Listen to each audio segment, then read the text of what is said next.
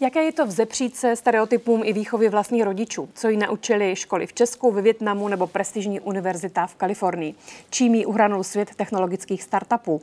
A jaké je to být doma nikde a přitom vlastně všude ve světě?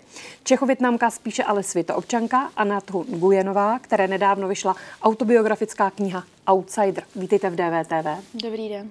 Proč se označujete jako outsider? Protože to je slovo, které by mě absolutně po přečtení té knihy nenapadlo. Vážně?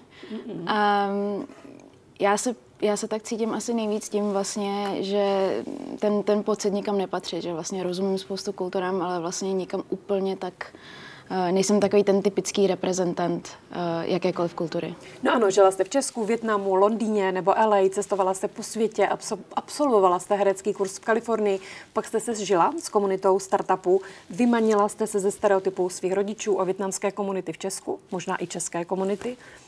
Prostě ten outsider mi vrtá hlavou.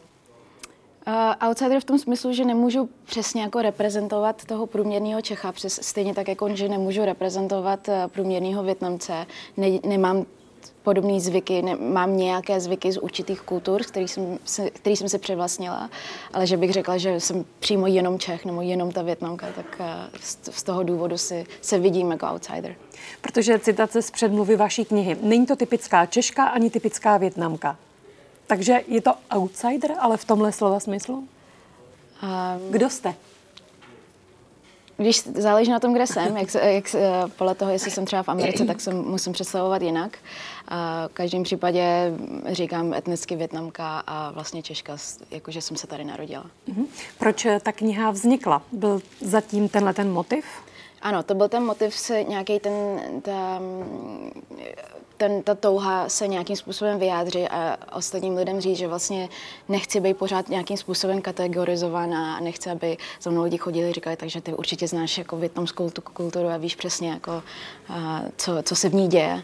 Takže to byla ta touha vlastně dát do, do knihy vlastně takhle to vidím já z mých očích, takhle se vidím v různých bublinách a uh, takhle cítím, jak mě vidí lidi a vlastně to touha nějak to vysvětlit.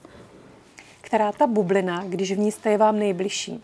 Ve které se cítíte nejlíp? Jak vypadá ta bublina? Ta bublina jsou lidi, kteří uh, taky ví, jaký to je uh, mluvit jiným jazykem venku a jiným jazykem doma, kteří ví, jaký to je být uh, nějaký určitý menšině, nemusí to být přímo ta etnická menšina, může to být jakákoliv. Ta, ta, ta, ten pocit, že vlastně rozumí, rozumíte více kulturám, ale vlastně ne úplně ty jedný, může to být opravdu kdokoliv. Uh, jsou to třeba děti přistěhovalců, jsou to děti z jiných států nebo jiných uh, měst, jiných zemí, kde jsou někdy nešli někam jinam studovat a tak dále. Je to tedy bublina, která je složená z lidí, nemá podobu místa.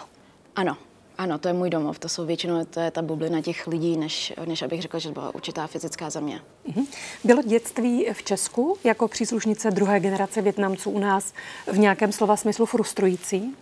Uvědomovala jste si to jako dítě? Ne, bylo to skvělé. Měla jsem, měla jsem krásné dětství. Vlastně jsem si víc věcí uvědomila potom, až když jsem uh, odcestovala a byla jsem v té Americe a tam vlastně to je vlastně země imigrantů a pak mi vlastně teprve došlo, jak moc mi, tady, i tady ta přistěhovalická mentalita, jak mi sedí a jak moc si v ní vidím.